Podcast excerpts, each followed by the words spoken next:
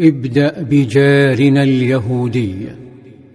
يقوم الخادم بذبح الشاة ثم يبدأ بتقطيع لحمها لتوزيعها هدايا وصدقات.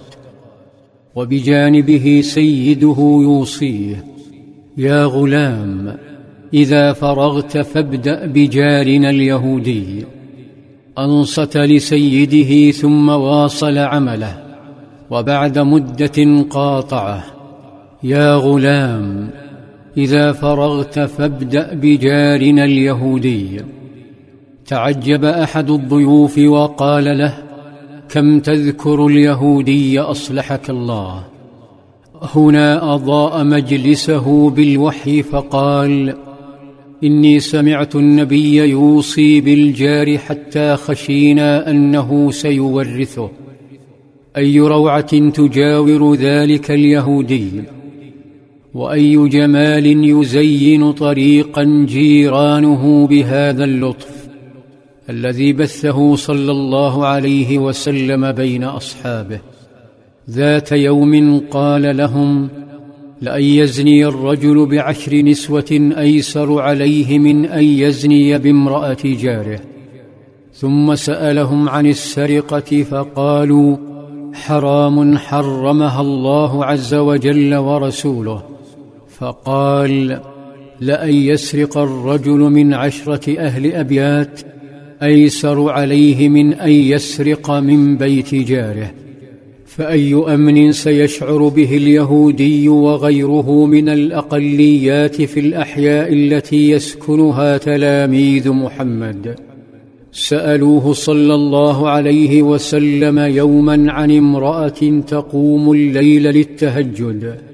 وتصوم النهار تنفلا لكنها سليطة تؤذي جيرانها بلسانها فإذا بعباداتها تتطاير يتقاسمها الجيران الذين آذتهم بغيبتها ونميمتها وآذتهم بالتدخل في شؤونهم فقال لا خير فيها هي في النار.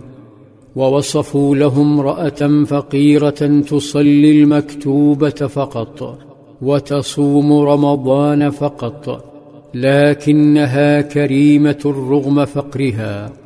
لا تجد ما تتصدق به غير كسر الأقط. كانت عفة اللسان لا تؤذي أحدا. فقال صلى الله عليه وسلم هي في الجنة. تلك هي طرقات دولة محمد صلى الله عليه وسلم. وذلك الجمال هو جمال أحيائها. أفنى صلى الله عليه وسلم حياته لصنعها وتزيينها بالحب. لقد لأن القائد مع جيرانه حتى تجرأ الغرباء في ملاطفته.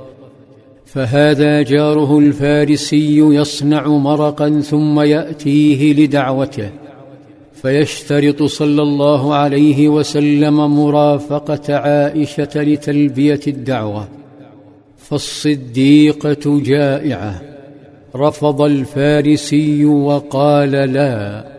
فقال صلى الله عليه وسلم لا كرر الرجل دعوته فأشار صلى الله عليه وسلم لعائشة قائلا وهذه؟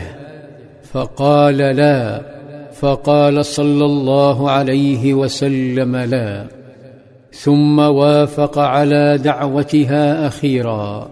فقاما يتدافعان حتى أتيا منزله فما كان صلى الله عليه وسلم ليشبع وزوجته جائعه وما كان ليأكل وجاره جائع وهو القائل ليس المؤمن الذي يشبع وجاره جائع إلى جنبه بهذا المستوى من العدل والتدين لم يعد لدى الدولة ما تبذله تجاه الأمن في الداخل سوى القليل.